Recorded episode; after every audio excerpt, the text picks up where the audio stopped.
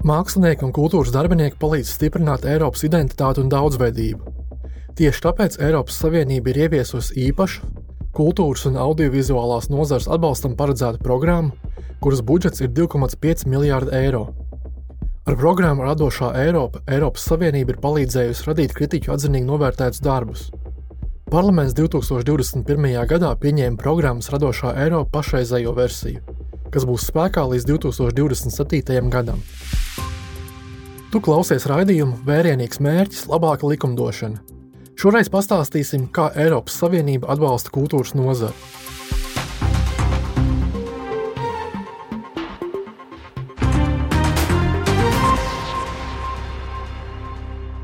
Lai izprastu programmu Radošā Eiropa, vispirms jāielūkojas tās pirmsākumos. Pirms desmit gadiem Eiropas parlaments apvienoja dažādas kultūras nozarei veltītas Eiropas iniciatīvas. To galvenais mērķis bija ar finansējumu un citu pasākumu palīdzību stimulēt kultūras nozari. Pirmā programma darbojās līdz 2020. gadam. Nākamajā gadā tā tika atjaunota ar lielāku budžetu un jaunu stratēģiju. Pašreizējā programma Radošā Eiropa sāk darboties uzreiz pēc Covid-19 pandēmijas beigām. Dažādu ierobežojumu dēļ pandēmijas laiks māksliniekiem bija sevišķi smags. Tāpēc Eiropas parlamenta deputāti īpaši rūpējās par to, lai programma palīdzētu kultūras nozarei atvesaļoties.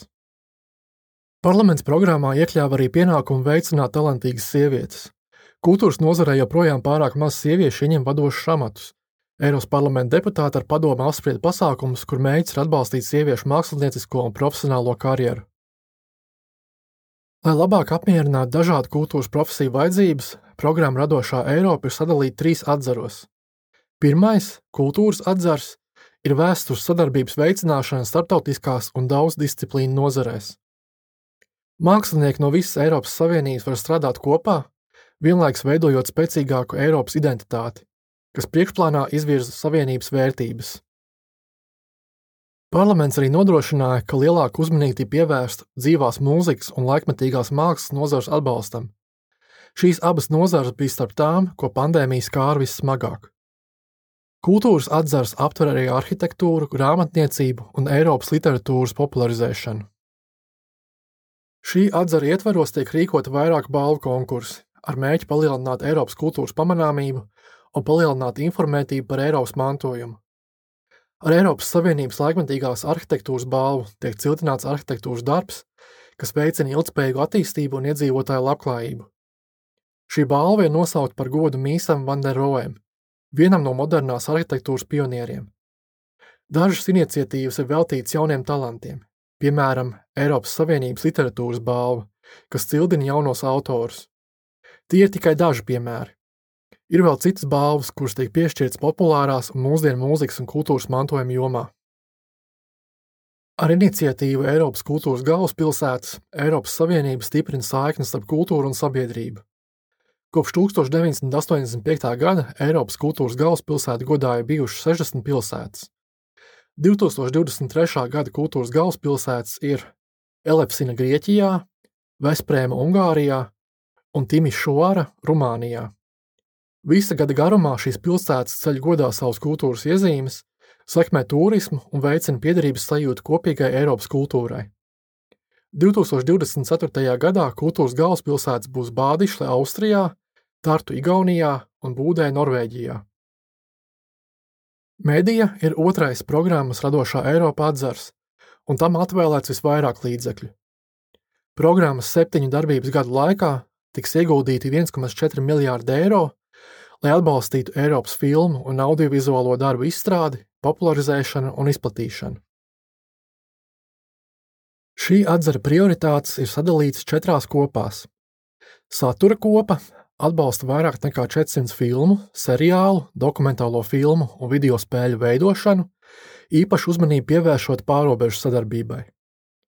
Uzņēmējdarbības kopa stimulē industriju paplašināt darbību ārpus savas valsts robežām un attīstīt digitālās un zaļās prasmes. Ar auditorijas kopas starpniecību medija atbalsta arī vairāk nekā 1000 kinoteātru, tā sasniedzot 65 miljonus cilvēku. Tā arī izmanto izglītojošus un reklāmas rīkus, lai iesaistītu jauniešus.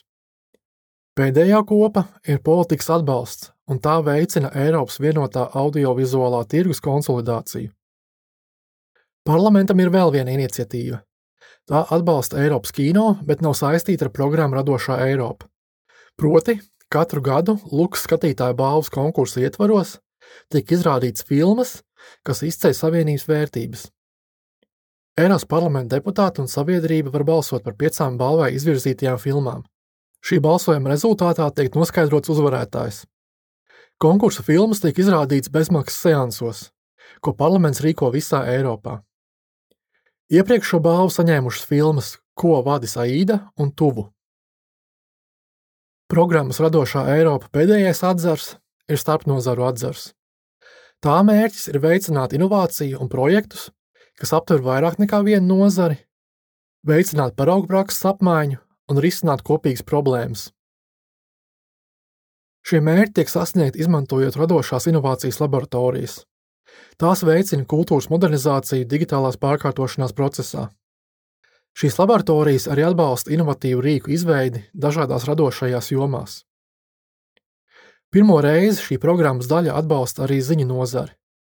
Eiropas Savienība vēlas veicināt mediju lietotprasmi, preses brīvību un kvalitatīvu žurnālistiku.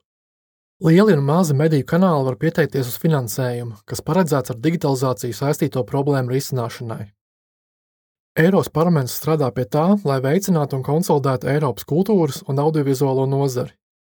Kultūras un izglītības komiteja un Eiropas parlamenta deputāti ir nodrošinājuši, ka programmas radošā Eiropa jaunākajā versijā uzmanīgi tiek pievērsta pandēmijas ietekmei un sieviešu līdztiesībai. Ar šo programmu Eiropas Savienība palīdz gan veicināt radošās un kultūras nozares, gan attīstīt mūsu Eiropas vērtības.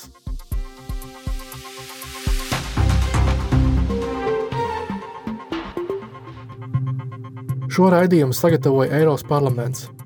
Vairāk informācijas atradīs mūsu tīmekļa vietnē.